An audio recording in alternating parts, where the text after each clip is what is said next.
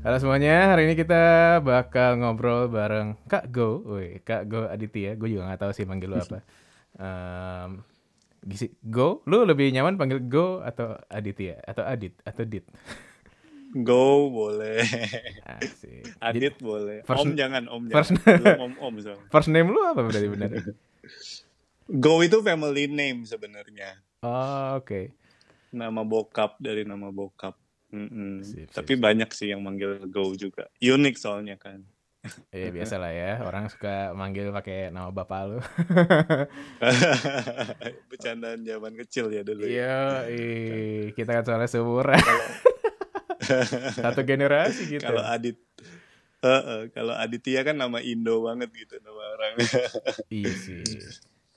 Mm-mm. Gua Gitu. sempat stok lu kemarin ini. Gua mencari tahu. Lu tuh Yes.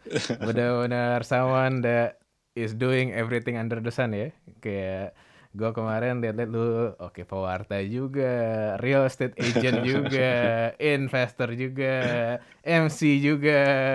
Bahkan tadi gue liat MC Iya. wedding, Asian Games, apa. Sekarang Oh coffee, iya, sampai ke bawah juga ya. coffee shop owner ya. Iya, dikit-dikit belajar-belajar, Bro. Pertama-tamanya lu jadi muda. apa dulu? Yang mana yang mana yang mungkin menurut lu yang main lu kerjaan lu tuh yang mana? Gue dulu pertama tuh MLM, Bro. Wow, nyari downline ya. Marketing. Yes, gue belajar banyak di situ sih. Jadi lulus kuliah, eh even masih SMA dulu gue. Di high school, di SMA gue udah MLM. Gue bahkan down... Heeh. jualan apa bro? Dulu produk kesehatan, Bro. Oh, kayaknya gue tahu. Kalau lu pernah tahu atau pernah denger, Tiansi namanya. iya, iya, Tiansi iya, Group. iya, iya. Itu dulu booming banget. tuh. Iya, dulu gue sampai... Iya. Sampai Temen lu ada juga yang join. banyak. Dulu gue sampai sponsorin kepala sekolah gue, bro. Lu sponsorin kepala sekolah lu buat join sebagai Yes. downline lu. Bener, bener banget. Jadi kepala sekolah gue jadi downline gue. Dan dia rekrut guru-guru di sekolah gue, tau gak lo? Wah, Kill. jadi lu pertama Dari lu cebur di MLM, terus Dari situ gue belajar banyak kan, terjun, training, ini itu people skill lah ya. Terus gue seneng komunikasi. Gue tahu passion gue itu ngomong, komunikasi itu dari situ ternyata. Kalau waktu kecil tuh gue pendiam bro. Heeh. anak paling kecil, gue pendiam, pemalu, sampai gue terjun ke MLM kan mau nggak mau kan, prospek orang, ketemu orang. Salah satu hal yang paling memalukan adalah gue ngajak kenalan orang di busway, lu di orang transportasi umum. Yes, buat prospek, karena udah nggak ada lagi kan. Hah, Udah serius? nggak ada ah? lagi. iya, semua database gue kasarnya udah pada tahu gue MLM, gue bakal bawa BMW dulu kan promo-promonya kan gitu-gitu kan, kapal pesiar kayak gitu-gitu. Iya, gue iya. ikut satu training, di- eh, training firewalk gitu ketika itu. eh dia kasih tahu bahwa kita harus bisa melawan ketakutan kita dan lain-lain gitu kan. Akhirnya gue prospek tuh. Eh kenalan di busway, kenalan di mall. Gue apa namanya? Pura-pura nanya jam, Bro. Hah, serius. Jadi itu pick up pick up line lu ya. Yes. itu paling simpel. Sekarang jam berapa ya? Gitu. Dari situ akhirnya ngobrol, kenalan gue baru tahu oh ternyata gue cukup punya talenta di komunikasi nih. Gue Hmm. ngomong tuh cukup enjoy, gampang. Kenalannya gue nggak demen bro, gue introvert. Tapi Wih. kalau soal ngomong, udah ngobrol, udah public speaking, gue seneng gitu loh. Kebetulan punya apa ya, dimudahkan lah di situ. Dari situ gue terjun ke MC. MC, acara corporate, acara wedding, ketemu klien-klien kayak gitu-gitu. Sampai akhirnya gue nge-MC kan banyak kan weekend. Iya, heeh. Bosen bro, hari biasa nggak ada apa-apa tuh kayak titiknya stagnan gitu loh. Kalau mau masuk TV enggak lah, gue arahnya bukan ke sana lah, bukan Kenapa, selebriti. gue merasa enggak aja gitu loh. Kayaknya ya kalau TV kan orang-orang lebih yang apa ya, perfect ya maksudnya. Gue pernah ikut satu casting gitu loh waktu itu. Oh ya. Gue pernah sekolah MC bro, gue pernah sekolah MC profesional, eh, belajar sama Becky, sama Coki Sitohang, Indonesia Indonesia Top Presenter gitu ya. Iya. Nah, terus disuggest ke eh, casting. Ketika gue casting, gue lihat orang-orang dengan segala body yang aduhai, itu aja belum tentu diterima gitu loh. Lu tau lah casting di Indo, casting di Jakarta gitu kan. Ah. Itu persaingan cukup tinggi itu. Bagaimana mereka menghalalkan cara yang terang dan abu-abu dikit gitu loh. Nah di situ gue udah berasa, aduh kayaknya gue enggak nih kalau ke arah sana. Tapi gue seneng ngomongnya. Public speakingnya gue seneng. Akhirnya gue tetap jalanin. Terus gue cobalah hari biasa gue ngapain ya. Gue kuliah marketing, marketing management kan. Akhirnya gue coba masuk ke properti. Dari lulus kuliah sampai sekarang gue di properti gitu seru sih di properti ketemu juga ya. banyak orang Oh, terus, ya puji Tuhan lah bro tapi Puji lu Tuhan. udah nggak MLM memang lagi? MLM udah enggak Oh. MLM udah enggak MLM udah enggak makanya lu nggak gue prospek bro Oh.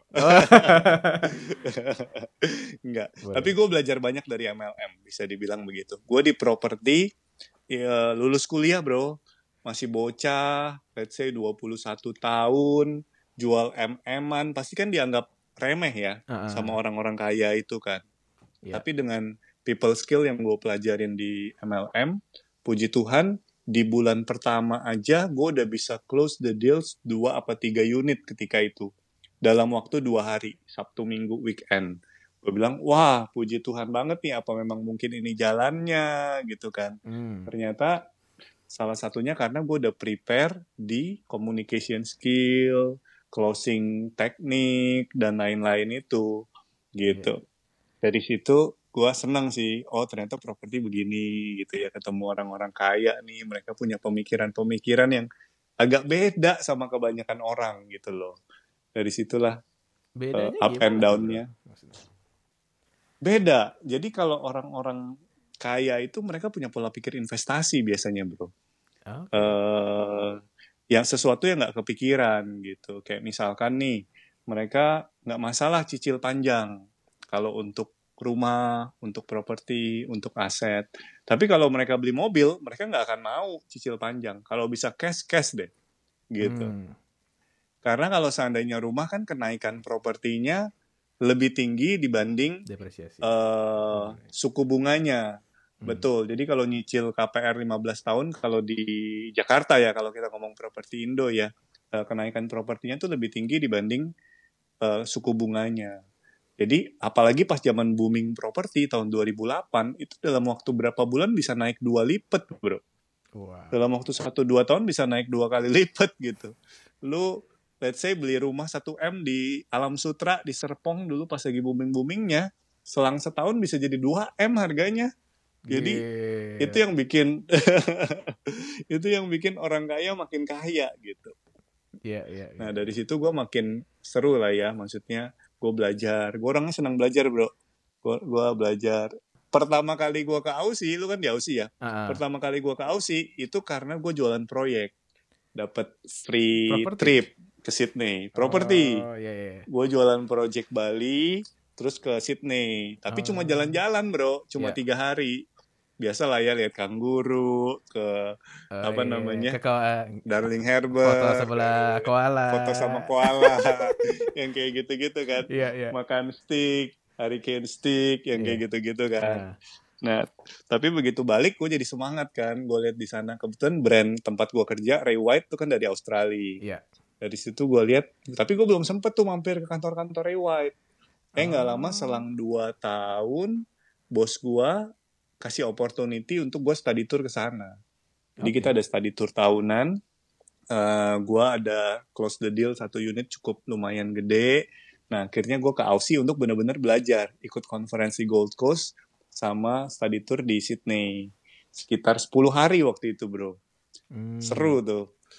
Di situ gue ngelihat, wow ternyata beda ya orang-orang property agent di sana tuh asik-asik loh gitu loh. Oh, iya. Cara kerjanya totally different, benar-benar berbeda sama di sama di Indo. Gitu. Seru sih, tapi ya itu banyak yang apa namanya anggap remeh ya karena kita masih muda kan. Ya Hmm. Tampang nggak bisa dibohongin lah ya bro. Jadi maksudnya muka muda ini tetap nggak bisa diiniin. Wah. Makanya gue biasanya Mm-mm. ini lebih ke knowledge sama uh, prestasi kuatin di knowledge Hmm. sama kuatin di achievement gitu loh Iya, iya. jadi ketika klien kadang suka anggap remeh tapi ketika dia lihat oh ternyata lu tahu banyak juga ya oh ternyata lu pernah melakukan ini pernah jual ini pernah ini nah pelan-pelan jadi nyambung jadi malah jadi temen sih Hmm. banyak kan banyak kan begitu serunya gitu jadi si- ngobrol-ngobrol elite agent ya gue lihat. iya pernah lah pernah dapat kesempatan itu puji Tuhan bro Gitu. Oke. up and down sih properti dunia sales dunia properti kan up and down cuma Iya. gue suka belajar terus kayak terakhir-terakhir kan kita ngobrol tentang Gary V tuh ya Hmm. gue penasaran banget tuh di Jakarta waktu itu bentrok sama acara PD apa acara kegiatan ini gitu Gary V pernah datang tuh ke Jakarta Ah. sekali terus nggak lama setengah tahun kemudian dia ke Singapura dan tiketnya lumayan murah. Akhirnya gue bela-belain deh ke Singapura ngeliat Gary V, walaupun paling belakang ya, walaupun itu paling belakang ya. Iya, iya, Cuma iya. spiritnya, energinya beda sih bro. Gue seneng sih belajar dan cari tahu pola pikir mereka gitu loh. Ah, Oke oke oke. Nah Seru, kalau seru. misalnya lu udah go through ini kan gue liat nih kayak kalau lu tulis CV-nya kayak kerjaan lu banyak banget nih. nah gimana Yes. caranya lu bisa satu meluangkan waktu dan gimana caranya lu bisa cemplung di dunia pelayanan in the first place? Kan lu kayak dari sekolah aja udah jualan, kuliah jualan lagi, Mm-mm. lulus kuliah jualan. lagi. nah gimana gimana lu ketangkepnya di dunia pelayanan itu gimana caranya berceritanya? Iya, gue kecemplung di pelayanan itu ya zaman-zaman awal gue masuk properti sih bro.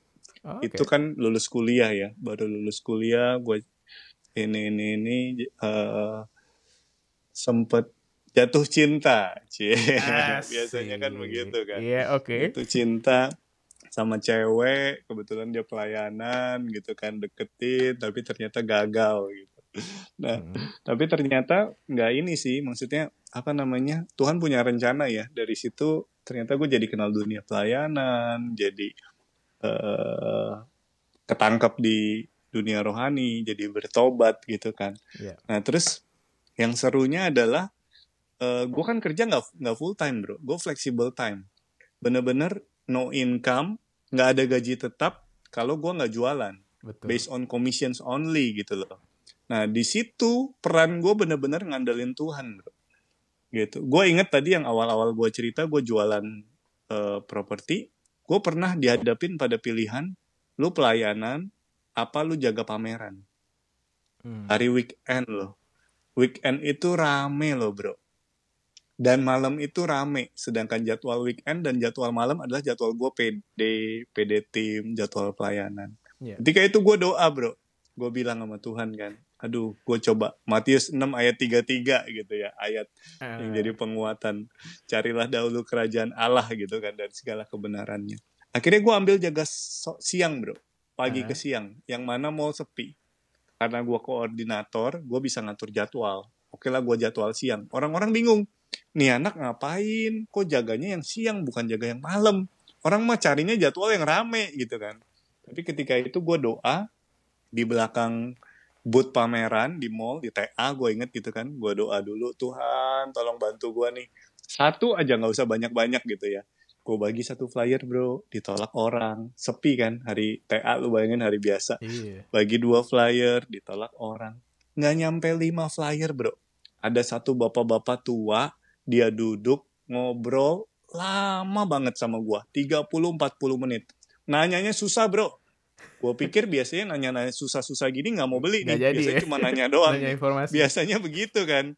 Nanya detail banget bro. Sampai technically sampai project sampai ini. Gue bilang wah ini orang nih kayaknya cuma nanya-nanya doang nih kompetitor nih atau apa nih.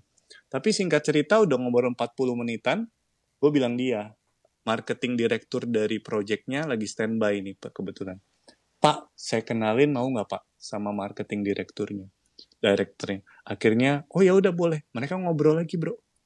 15 menit 20 menit tiba-tiba gue dipanggil. Nih KTP-nya tinggal diisi. Beli bro. Satu gue bagi flyer ke orang dan langsung deal bro. Ketika itu orang-orang bingung. Nih bocah datang-datang kucuk-kucuk closing gue jaga ke pameran siang malam siang malam nggak closing closing eh tiba-tiba ada satu bapak-bapak dari kantor lain dia bisik ke ibu-ibu itu. Lu tahu nggak rahasia dia apa? Gue kan dengar dari jauh gitu kan. Dia tuh doa dulu sebelum pameran. Gue bilang oh my god. Gue sengaja di belakang doanya di belakang booth gitu kan biar nggak kelihatan gitu kan. Ya. ternyata ada yang perhatiin. Dan dari situ ternyata bisa jadi berkat bro nah itu yang bikin gue wow ternyata pelayanan sama pekerjaan ini bisa berjalan beriringan nih. Oh, gue nggak usah beda-bedain nih. Di bidang gue bisa seperti ini puji Tuhan nih. Dan dari situ bro seperti satu estafet gue ketemu klien-klien yang kayak begitu-begitu. Jadi dia mengerti kalau gue pelayanan. Dia kadang ada beberapa juga klien yang dapetnya dari pelayanan yang seiman yang ini yang itu gitu karena kan klien di luaran banyak ya bro. Hmm. ada juga yang memancing gua nih dengan cara udahlah lewat jalur belakang lah inilah itulah. Kasarnya gitu kan namanya kita orang sales orang Yeah. lapangan ada iming-iming seperti itu. Nggak usah lapor ke kantor lah. Integrity Kayak terancam ya selalu. yes pasti bro. Nah di situ gua goyang sempet kan. Tapi gua pegang gitu loh. Maksudnya kita nggak perlu takut kok sama klien. Ancaman klien. Kita nggak perlu takut kok sama bos kadang kan bos juga suka push ya nge-push gitu kan. Suka agak kasih pressure. Ya karena memang tugas dia untuk eh, memaksimalkan kita. Tapi kadang gue suka under pressure gitu ketika gue lagi pelayanan gini gini gini. Tapi gue cuma ingat satu promosi itu datangnya dari Tuhan. Promotion comes from God not from people. Dan itu terbukti nyata bro. Sampai sekarang sampai detik ini nih gue kan kemarin baru pelayanan nih. Gue kan Ah. lalu kan baru beberapa waktu yang lalu dari IG live itu kan. Iya, iya. dan kemarin YCCR tuh bikin rekoleksi online luka batin bro. Yes. itu hampir seminggu. Eh, dan gua dapat kesempatan untuk melayani jadi moderator hampir tiap hari bro. Kerjaan keteteran bro. Tapi setelah itu ketika gua udah mulai iklan gitu ya gini gini gini tiba-tiba ada satu orang kontak gua bro. Mau beli unit bro mau ngambil unit entah datangnya dari mana ini orang kucuk-kucuk tiba-tiba dia kontak gua. Adit klaster ini udah mau launching lagi ya? Di situ gua merinding bro. Bener-bener penyertaan Tuhan tuh. Gila. Dan dari situ Hah? gua tetap berusaha melakukan pekerjaan gitu ya. Maksudnya bukan berarti kita pelayanan pelayanan kita doa doa tanpa bekerja gitu kan. Ya. dua-duanya harus seimbang berdoa sekeras-kerasnya dan juga berusaha sekuat-kuatnya kan ibarat kata kan seperti itu gitu. Nah di situ gua bilang wah gila bener-bener nih penyertaan Tuhan nyata nih. Di saat orang-orang sekarang sulit mau jualan jangankan jualan properti bro. Jualan somai aja sekarang udah banyak saingan di Instagram gitu. Iya, men. Nah, iya kan kalau lu lihat di story di apa orang-orang buka PO ini, buka PO itu, ya itu cara mereka untuk mencari peluang gitu ya. Survive. Satu, survive betul. Tapi gue bilang gila Tuhan baik banget loh. Gue dapat blessing di mana gue bisa dealing, di mana gue bisa jualan, close the deals di saat pandemik seperti ini. Itu benar-benar satu apa ya bukti lagi janji Tuhan dalam hidup gue sih bro. Gitu. Wow. Cuma berarti sebelum lu nyampe ke tahap itu, sebelumnya lu berarti dari kecil juga udah Katolik. Gua Katolik itu SMP. Oke. Keluarga Katolik. Eh, bokap nyokap dulunya Buddha. Yang pertama kali dibaptis itu engkau gua. Engkau gua, enci gua, gua anak ketiga kan. Wih, And then baru gua gitu. Sama ya. gua dibaptis malah waktu SMP dulu. Gua rantau. Gua dulu di Pontianak. Oh, oke. Sempet abis kerusuhan 98 itu, krisis ekonomi, gua pindah ke Pontianak.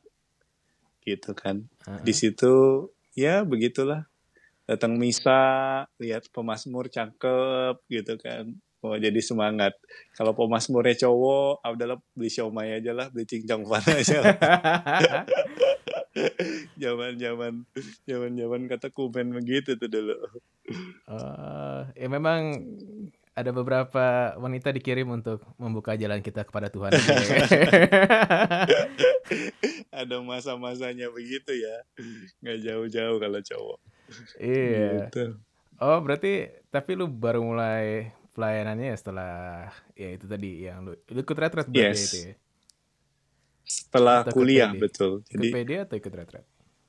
ikut PD dulu gua Oh, oke. ikut PD ikut PD jadi gue sempat ikut beberapa sempat sempat mencari beberapa komunitas waktu itu bro. Sempat cobain ini cobain ini cobain ini. Heeh. sampai akhirnya di PD Stefanus gue sekarang pelayanan di PD Stefanus. Di situ gue bertumbuh. Sekarang udah bukan tim sih sekarang jadi pendamping ya istilahnya ya. Jadi om ya. karena kan gue juga gila bro nggak berasa loh. Gue udah tujuh tahunan gitu ya Wah, Tapi seneng sih. Iya, iya, iya. gue seneng. Maksudnya gini loh ketika awal-awal kita masuk ya awal-awal gue masuk kan masih cupu-cupu gitu kan. Nggak ngerti pujian nggak ngerti ini nggak ngerti itu. Sampai akhirnya bisa melihat anak-anak baru yang 20-an dulu kita paling kecil gue panggil semua senior gue koko cici. Sampai akhirnya mereka panggil gue koko gitu kan. Sekarang udah ada yang lahirnya 98 lahirnya 9 9 2000 ada Masih beberapa gitu kan Iya, Gua kita juga 2001, 2002, sama juga. Ada beda Iya satu kan? bos.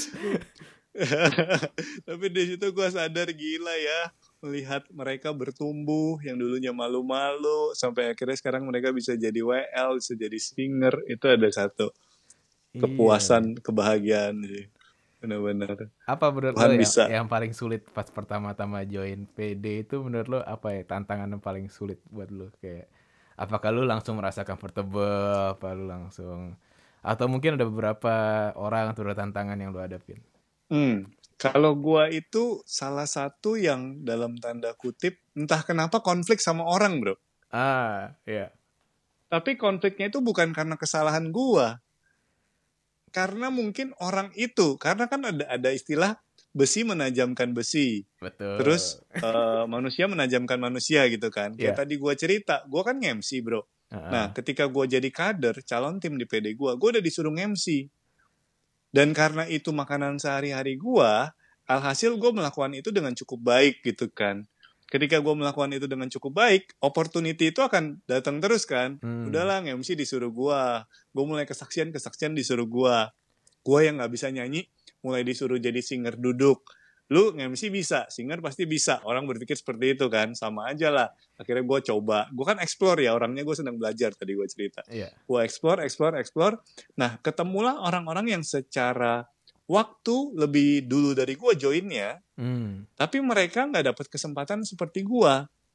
iya Jadi dalam tanda kutip mereka membanding-bandingkan karena mungkin latar belakang keluarga mereka, latar belakang masa kecil mereka.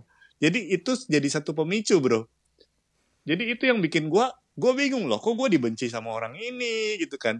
Dan itu nggak cuma sekali, satu, dua, tiga kali gitu loh. Sempet-sempet seperti itu. Karena ibarat kata gue dapet kesempatan dan orang-orang lain mungkin melihat, loh dia kan masih baru, kenapa kok si ini dia kan begini kok begini ini kok begini jadi ada sesuatu yang belum beres buat mereka dan gue datang untuk membereskan itu dalam tanda kutip gitu ya. Ah, tapi guanya iya. sendiri pun juga berproses. Karena gue sangat peka dengan omongan orang bro. Gue tuh sangat risih sekali dengan omongan orang. Jadi satu orang aja yang ngomong seperti itu itu bisa jadi pikiran gue berhari-hari berminggu-minggu berbulan-bulan. Sama persis Kenapa ya? banget, bro salah. Oh lu juga begitu Terus ya jadi mikir kan Jadi- aduh nih apa gue yang salah? Salah gua ya? apa ya? Kenapa gua apa gua nggak usah aja ya? Gua kayaknya mundur aja ya demi kebaikan bersama gitu kan iya demi sama ini, ini, persis ini. banget iya.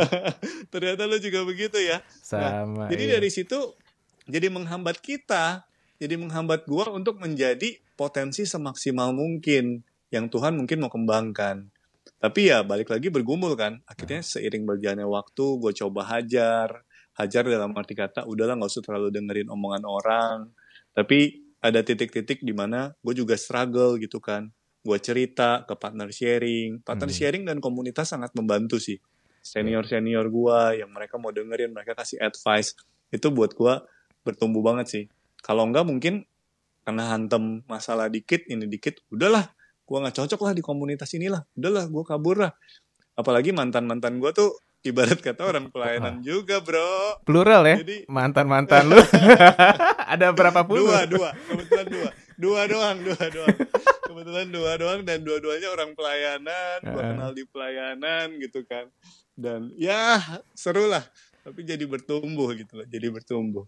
Anak-anak muda kan punya ceritanya. Tapi di situ gimana gue bertahan. Dan itu ngaruh juga ke kerjaan lo bro. Iya. dulu itu gue orangnya sangat nggak enakan gue takut ditolak gitu ya Mm-mm. eh apa namanya tapi orang sales mana bisa lu takut ditolak Iya, ibarat kata kan gitu kan iya kan harus Akhirnya pede sama gua- jualan lu lagi. Iya, akhirnya gue belajar, gue bertumbuh gitu. Maksudnya, oh di rohani nih gue mengalami momen-momen seperti ini nih, yang ternyata secara nggak langsung impactnya juga di kerjaan gue. Walau gue gue jadi belajar, oh berjuang itu perlu. Sales itu harus memperjuangkan, tapi Hmm. bukan mengemis. Iya.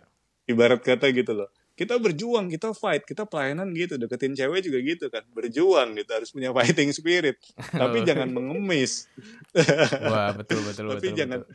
tapi jangan mengemis gitu loh ke klien juga begitu kan karena Iya. balik lagi promotion itu datangnya dari Tuhan kalau memang udah timingnya ada aja jalannya kalau memang belum timingnya kita fight setengah mati dengan pemikiran kita dengan segala skill segala kehebatan kita kasarnya nggak akan Hmm. bisa.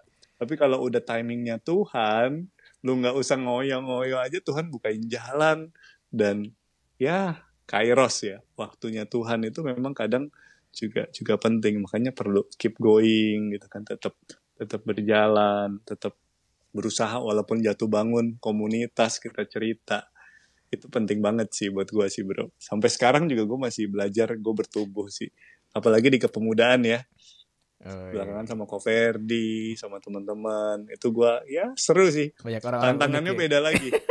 Banyak orang-orang unik betul.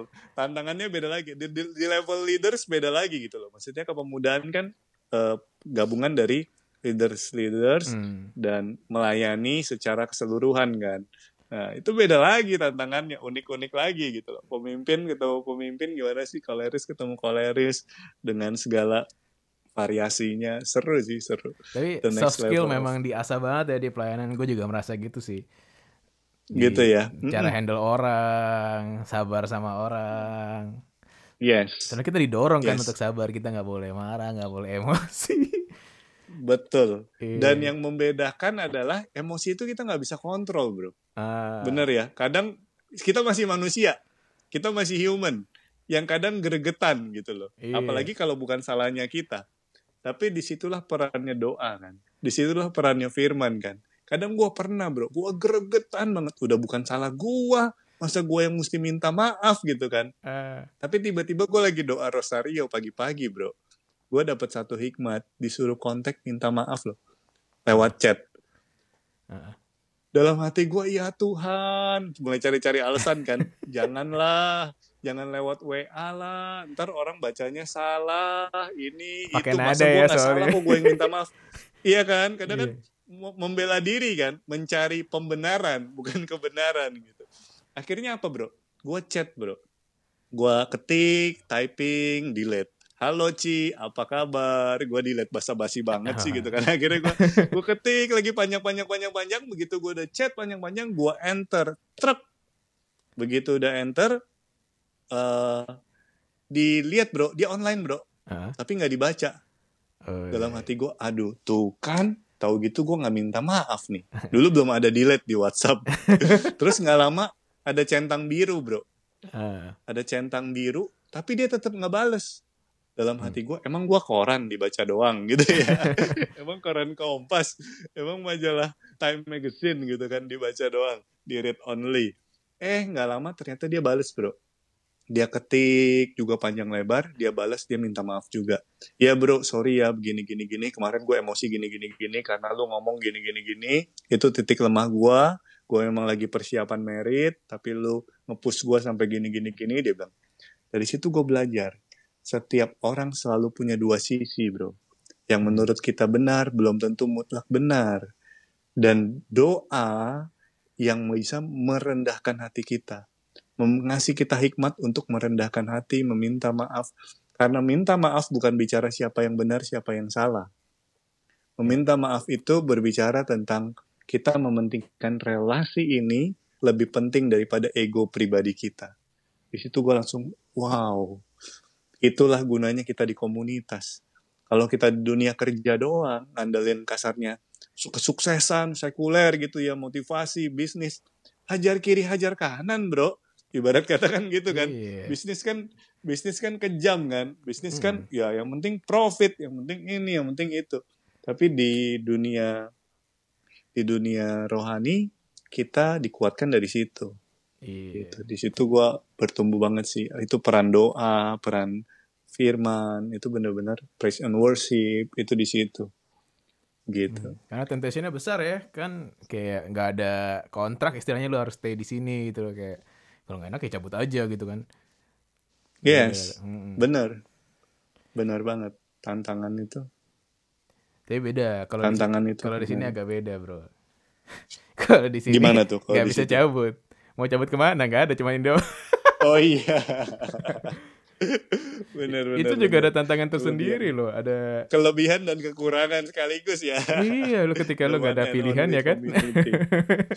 bener bener bener ketemunya lu lagi lu lagi gitu ya iya kalau bete ke supermarket juga nggak jauh-jauh ke Iya. gereja juga nggak jauh-jauh ya Gak cukup komunitas kecil, kotanya juga ketemu mulu. Lo gak bakal bisa lari deh. Gue pernah sebel sama satu orang, ke mana pun gue pergi, gue ketemu dia lagi, dia lagi, dia lagi. Ah, Mm. itu sih tantangan berat, ya kan?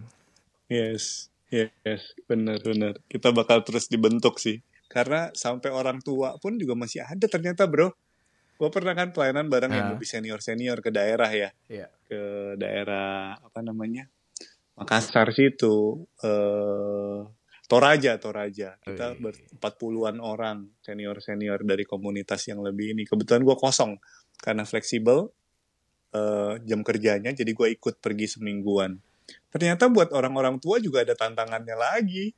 Mereka juga ada konflik gitu. Gue ngeliat sendiri kan. Dari situ gue belajar oh ternyata memang ini fasenya aja beda. Fase kita sekarang mungkin berantemnya atau problemnya tentang ini ini ini. Hmm. kalau ada orang-orang tua ternyata ada lagi nih karena masih daging kan masih manusia Iya. gitu. Beda aja ya, cuma tetap ada juga lah ya pasti. Mm-mm, mm-mm. seru sih Nah, gua tuh kemarin ini sempat ngeliat juga. Gua nggak tahu ini relate atau enggak. Kan kalau nggak salah lu pernah Mhm. bawain tentang kegagalan ya di TDWM ya? Yes Nah, yes betul itu tuh betul. kegagalan Kok lu apa tuh, tahu sih. Iya, kan gua harus do my research. dalam lu ya jadi host podcast iya ya. dong. perlu belajar banyak nih gue nih. Yes gue dulu TDWM bawain tentang fail enough to win gitu. Fail enough to karena win. kan gue gue tipenya kan perfeksionis bro Ah, dulu itu ya itu takut ini takut gagal takut itu gitu kan. Pengennya tampilnya sempurna pengennya tampilnya baik gitu. Tapi di situ gue belajar bahwa ternyata ya memang it's okay to be not okay bro.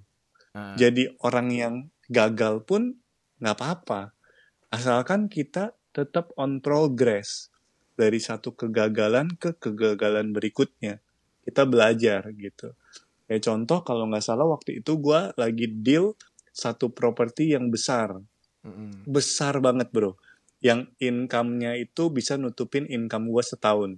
Wah. gitu loh. Dari satu dealing itu doang. Dan itu gue dapet klien setelah gua 8 bulan gak jualan. Lu kebayang dong betapa happy-nya gua. Gue bilang Iya. gila ini jawaban Tuhan. Tuhan baik banget gitu. Kalau nyanyi ya. how great. Iya kalau nyanyi how great is our God itu bisa sambil netesin air mata gitu loh bro Ah. karena benar-benar nyata. Tapi ternyata bro, ketika udah dealing, lu tahu nggak? Dia bilang begini, eh KPR apa semua udah approve, dia marahin gua. Kamu titip eh komisi ya sama bank, kok bunganya tinggi? Lah dalam hati gua yang ngurus bank lu, kenal juga lu kenal sendiri. Orang kebetulan orang keturunan luar eh, dari daerah Timur Tengah. Oke. Nah, dia jago banget nego, bro. Setelah gua dimarah-marahin, orang bang dimarah-marahin juga. Kamu gimana sih kok biaya notarisnya mahal sih? Gini, gini, gini gitu kan. Nah, Kemudian, eh, singkat cerita, besoknya udah deadline transaksi, dia nggak mau. Saya mau bayar cash aja. Dia bilang begitu. Saya mau nego lagi sama notaris antara eh ini atau atau habis lebaran. Dia bilang seperti itu. Waktu itu mau lebaran bro deadline-nya. Nah, Waduh, pala gue pusing nih. Ownernya bro, udah sampai gadai mobil Alphard dan jual dolar buat bayar pajak. Karena kan kalau besok mau transaksi kan harus bayar pajak dulu kan. Iya. Dia saking nggak punya duitnya, orang umur 70-an tahun. Dia udah sampai gadai itu. Dan akhirnya nggak bisa tidur. Si Nah. owner ini umur 70-an something. Udahlah, saya balikin aja duitnya.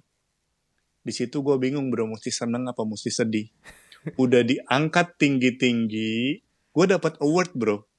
Gue Nah. dapat award, three annual awards. Di saat semua kantor gue nggak ada yang jualan, gue anak muda bocah ini maju panggung, dapat penghargaan. Dan selang tiga hari kemudian gue dikasih tahu kalau transaksinya itu batal. Wah. Gila, gue bilang down gue bro.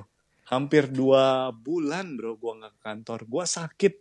Sakitnya apa tuh nggak? Campak Jerman. Sa- Campak Jerman itu penyakit balita biasanya. Iya. Orang dewasa bisa kena begitu tuh karena over stress tuh. Dan Oke. ketika itu gue baru putus cinta juga bro. Jadi berturut-turut. Wow.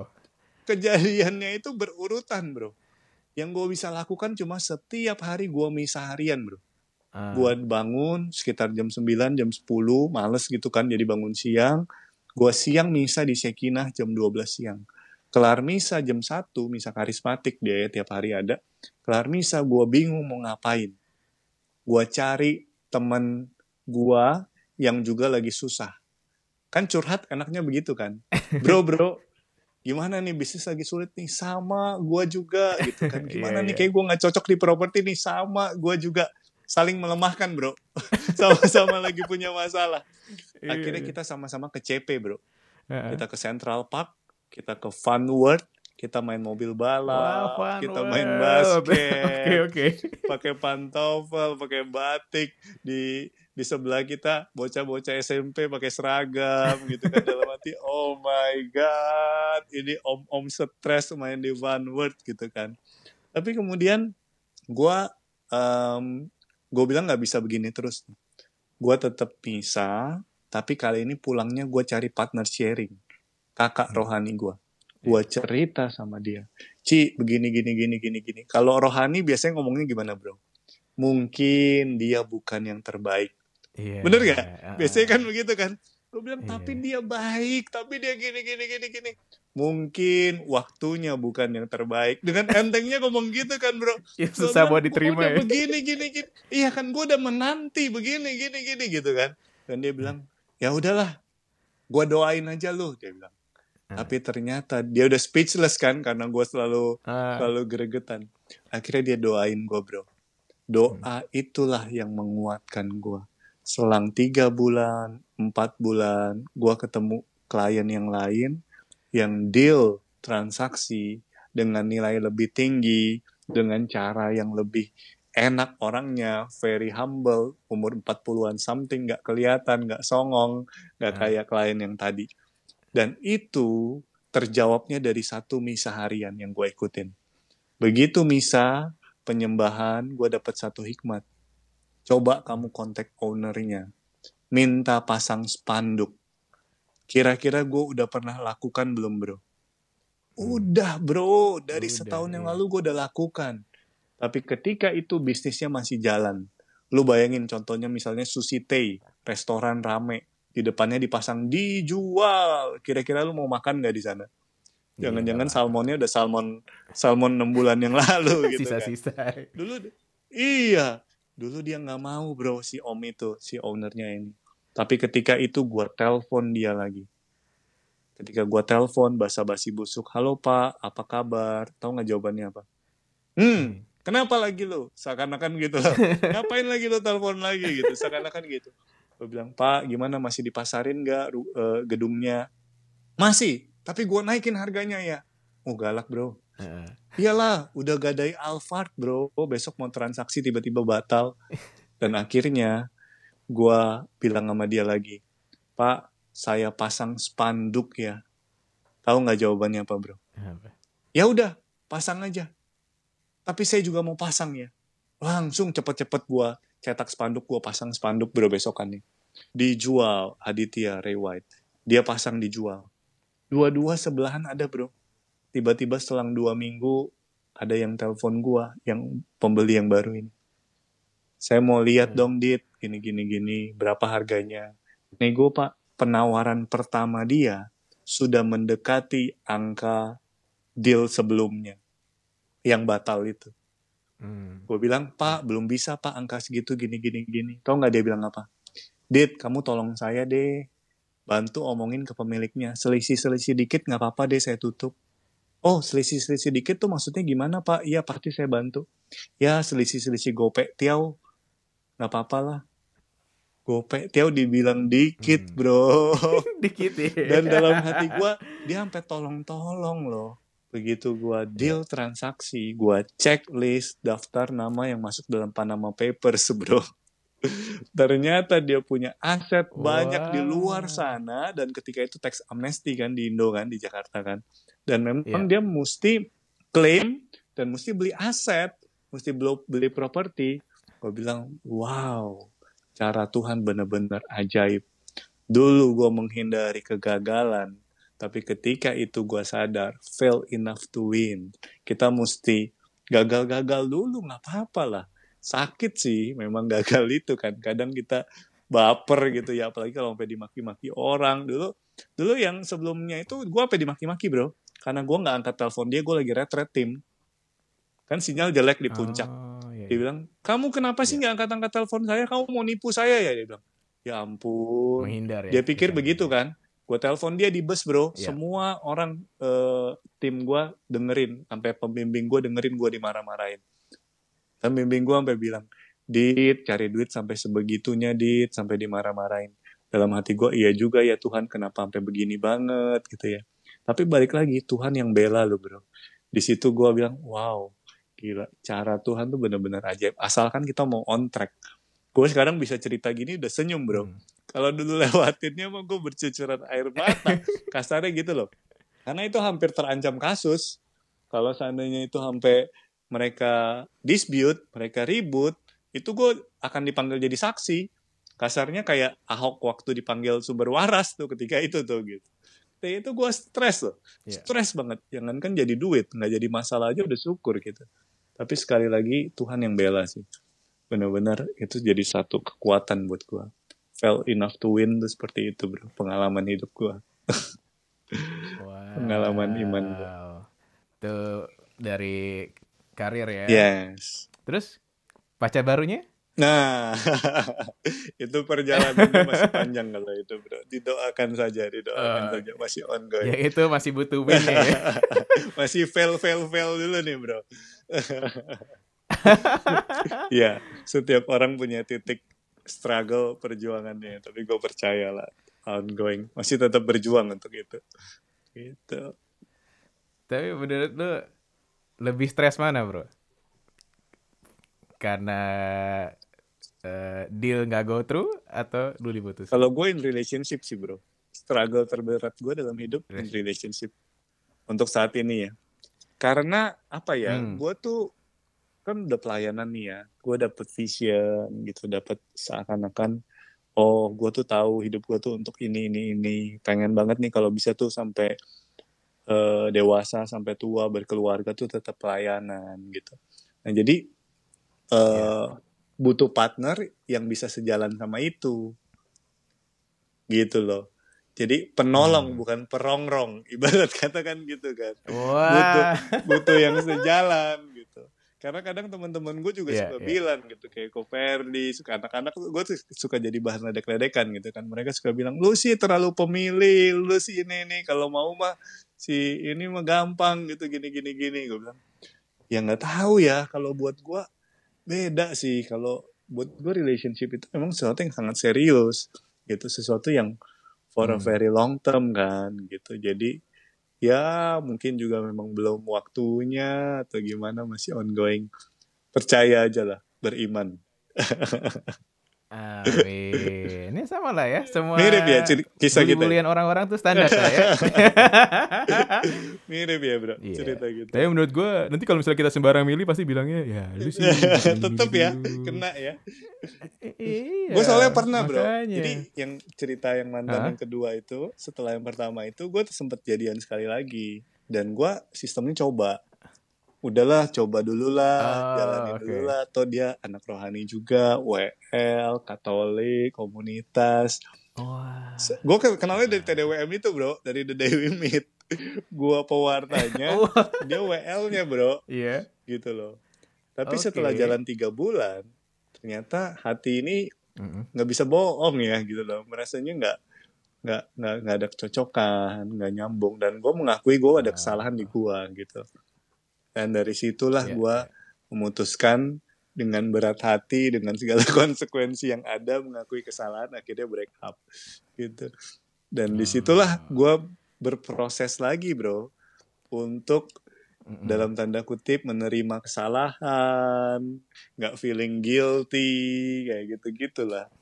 Jadi masih masih ongoing, Iya. masih ongoing sih. Berarti lu kita kru penyebab.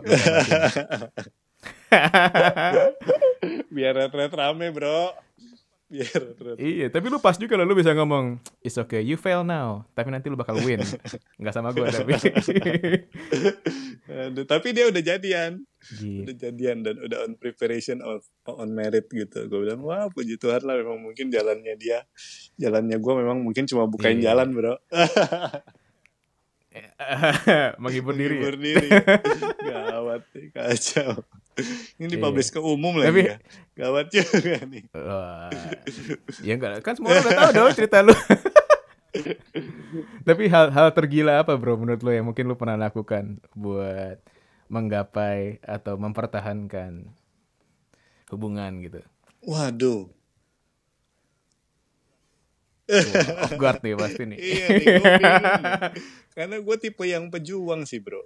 Gua, maksudnya gini loh, gue tipe orang yang memang bisa bertahan cukup lama. Dan gue bukan tipe orang yang Uh-huh. suka deketin banyak sekaligus gitu loh. Ada kan beberapa tipe Iya. yang bisa deket berapa sekaligus gitu ya. Ada yang memang fokus Hmm. satu. Kalau gue tuh entah kelemahan nih, mungkin kelemahan kali ya. Atau gimana gitu. Jadi bisa Ah. nungguin setahun, dua tahun gitu. Sampai nggak berasa sekarang udah udah umur sacapan. Tapi ya balik lagi timing lah ya. Tiap orang punya timingnya menghibur diri nih. Berarti lu pernah nungguin someone nih. Iya ya pernah gitu pernah. Lu berarti lu pernah nungguin someone terus Dan gue memang ya? tipe yang long term kan. Ya yang mama yang pertama kan gitu. Setelah deket dua tahun Ah, nggak oke. jadi, terus gue ini ternyata deket lagi eh jadi, eh ternyata nggak jadi, eh, putus gitu kan. Jadi ya begitu. Teman-teman gue kadang suka nasihatin Wah. juga. Sampai sebegitunya lu bro. Berarti lu orangnya gigi banget ya. Untuk hal-hal tertentu ya mungkin ya. Karena nggak bisa general- generalisir semua hal kan. Iya. Mm-mm. Tapi ya memang kalau menurut gue butuh diperjuangkan sih. Kalau nggak diperjuangkan juga nggak bakal terlalu membuahkan ya. Menurut gue, Mm-mm. Gue juga been through the same thing. Gitu juga. ya. Iya. Tapi kalau gue percaya gini bro, Hah? setiap orang punya cerita sih. Maksudnya kebetulan cerita kita Hmm. mirip nih. Tapi ada orang-orang tertentu yang memang, loh kok gue nggak ngoyo aja udah ketemu gitu. Kayak ada temen gue kan gitu kan.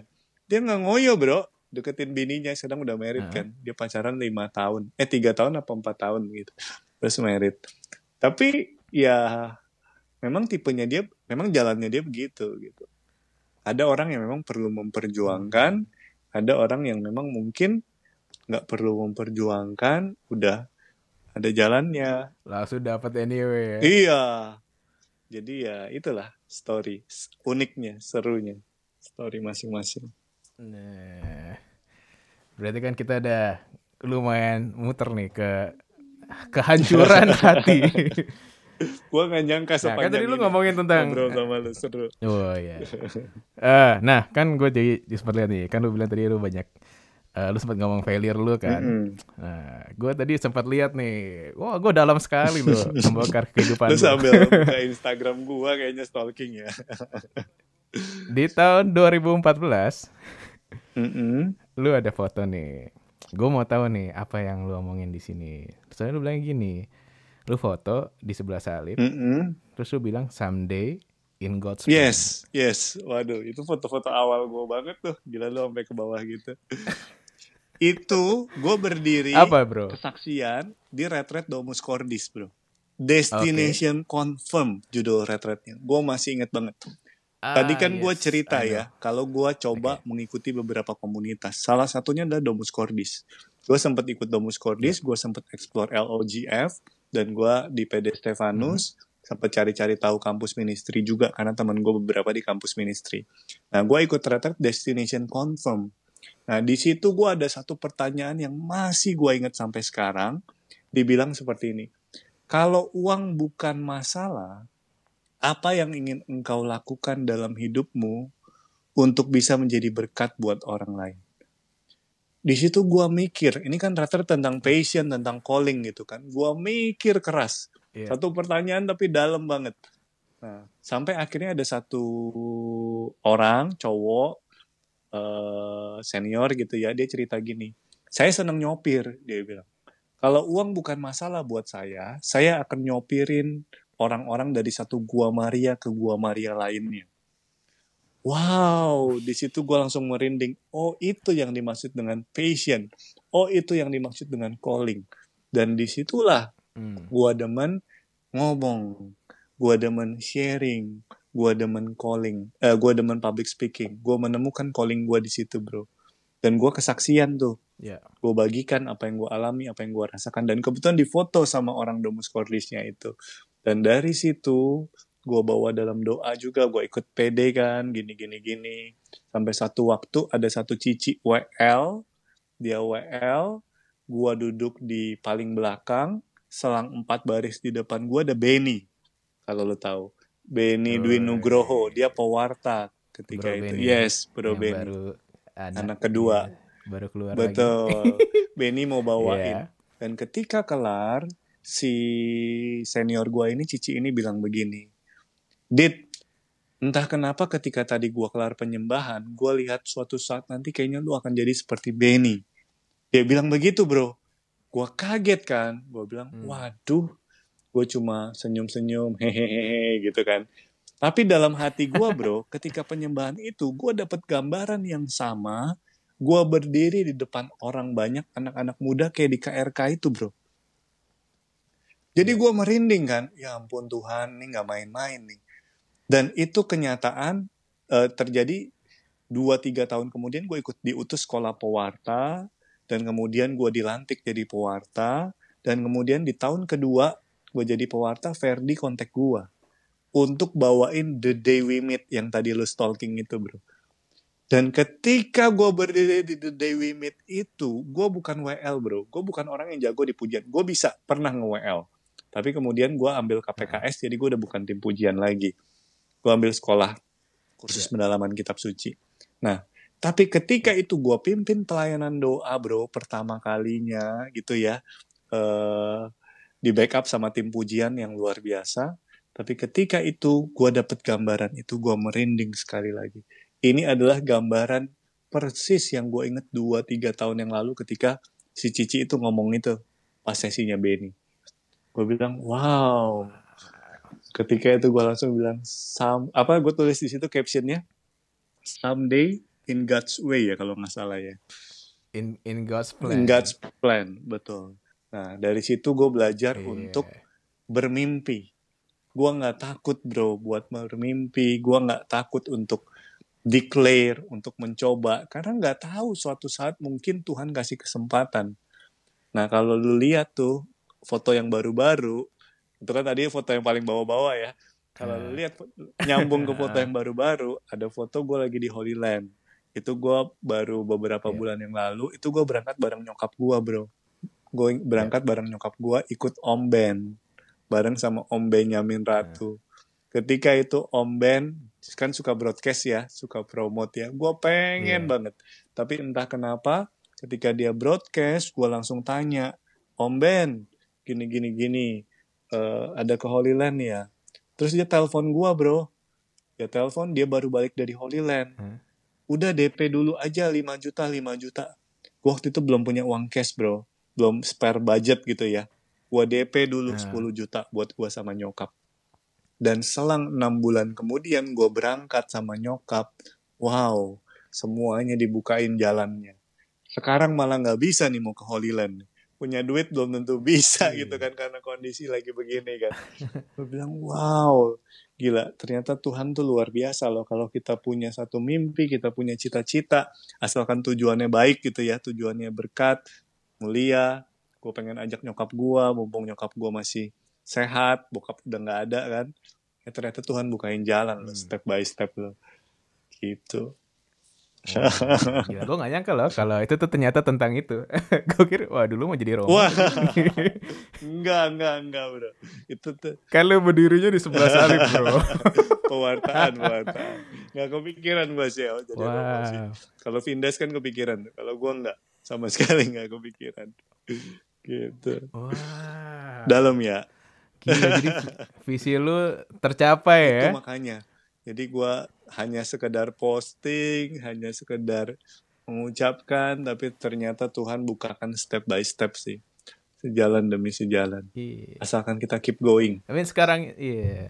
Nah, sekarang ini kan ngomong-ngomong tentang keep going. Ini kan lagi musimnya di mana banyak plan orang nih, banyak rencana-rencana orang, atau mungkin orang yang tadi udah punya visi jadi kayak, aduh kenapa jadi kayak gini ya Tuhan. Mm -hmm. um, Nah, menurut lu apa nih yang menguatkan lu selama ini atau mungkin ada beberapa hal yang mungkin lu bisa share gimana cara lu actually bisa keep going sampai ternyata akhirnya visi lu terrealisasi nih.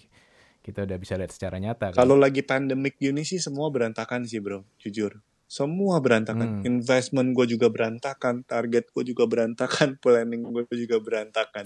Dan itu butuh waktu buat gue untuk dealing dengan itu untuk menerima keadaan, yeah. buat mengikhlaskan, itu butuh waktu buat gue sekitar 1 sampai dua minggu.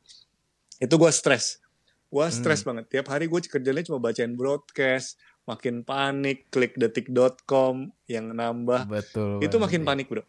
Sampai beberapa waktu kemudian yeah. itu gue doa, berusaha untuk tetap berdoa, berusaha untuk ikut PD online dan pelayanan uh, online gitu kan. Tapi dari situ ternyata gue dapat kekuatan. Dan kekuatan aja, hmm. ketenangan yang dari Tuhan aja nggak cukup. Kita perlu imbangi dengan action kita, dengan hikmat. Tuhan kan kasih kita akal budi kan. Nah, di situ gue mulai dealing dengan uh, di kondisi ikut webinar-webinar. Bos gue bilang, Hmm, ada satu ya. property agent di Kelapa Gading deal properti Australia di Melbourne dengan harga 1.5 million Australian dollar. Jadi kurang lebih 15 M rupiah. Di saat kondisi lagi seperti hmm. ini. Wah, pusing pala bos dalam hati gitu kan. Karena kan di, udah udah ini kan. Jadi kita nggak bisa nggak bisa bersembunyi di balik keadaan lagi. Lo buktinya ada transaksi. Yeah dan ternyata ada the benchmark baru ya? Iya kan? Dan bukan cuma satu loh ternyata berikutnya ada lagi. Sih ini juga closing sih ini juga closing. Tapi dari kantor kita belum ada nih. Jadi kan makin panas kan bro suasana kan. Makin makin ini. Akhirnya yang gue bisa lakukan cuma udahlah gue ikut webinar. Gue ikut webinar ini gue ikut webinar ini. Bagaimana jualan Aussie bagaimana jualan Singapura bagaimana digital marketing. Panas kepala gue bro tiap hari webinar. Tapi ternyata di situ membalik balikin gue ke on track yang benar. Gue mulai ngerti, oh ternyata kondisi sulit sih. Tapi ada loh yang bisa. Gitu loh. Bukan sama sekali nggak ada. Hmm. Ada bisnis yang growing. Gitu. Lo mau pilih yang mana? Gitu. Nah di situlah gue mulai, oke okay lah gue coba effort, gue coba effort, gue coba apa yang bisa gue lakuin ya. Gitu. Nah ketika kita melakukan apa yang bisa kita lakukan, Tuhan akan lakukan apa yang Tuhan kita tidak bisa lakukan. Do what you can do and God will do what you cannot do. Dan di situlah gue terbukti gitu loh. Yang tadi gue cerita kan, tiba-tiba ada yang calling untuk mau cari rumah. Gua nggak tahu ini orang dari mana, kucuk-kucuk gitu. Besok pemilihan unitnya nih. Doakan semoga lancar. Gua deg-degan first time pemilihan unit online gitu. Tapi in God's way Wow. nggak ada yang mustahil. Eh, itu benar-benar benar-benar seru sih. Jadi planning gagal ya meleset ya semua mengalami itu ya. Kondisi lagi begini ya. Jadi it's okay meleset. Hmm. Yang penting kita tetap jalan. Kita tetap berjuang, kita keep going. Ada kok nanti penggantinya. Kalau memang Tuhan berkenan, berkat-berkat itu akan akan digantikan dengan sangat mudah. Pertanyaannya kita setia nggak? Apa yang tak pernah dilihat Hmm. mata, yang tak pernah didengar telinga, yang tak pernah timbul di dalam hati, semua disediakan Allah. Banyak orang stop sampai di situ. Lupa ada lanjutannya. Lanjutannya apa? Bagi orang yang mengasihi dia. Banyak orang klaim, minta, minta, Tuhan minta ini, minta itu, gitu kan. Tapi lupa ada lanjutannya bagi orang yang mengasihi dia. Pertanyaannya kita mengasihi dia nggak? Dan mengasihi dia bukan cuma di masa-masa enak. Bukan cuma di masa-masa kita dapat berkat. Bagaimana mengasihi dia di masa-masa sulit. Itu tantangannya. Gitu loh, bro. Wow. So, kuncinya adalah mengasihi. Yes, belajar untuk mengasihi Tuhan, tetap setia, tetap berjuang, bukan dengan kekuatan kita, tapi benar-benar berdasarkan hikmat dan pertolongan Tuhan. Karena hampir semua yang gue lakukan dan gue berhasil capai, itu bisa dibilang semuanya mujizat bro. Jadi kayak apa ya, percaya nggak percaya gitu loh. Kalau orang kantor gue yang bukan Katolik dan bukan orang pelayanan, kadang suka bingung gitu loh. Kok lu bisa ya? Orang lagi susah, properti lagi susah, tapi lu malah jualan. Gue bilang cuma, ya it's a blessing. Itu berkat Tuhan gitu loh. Gue cuma bisa lakuin apa yang gue bisa lakukan.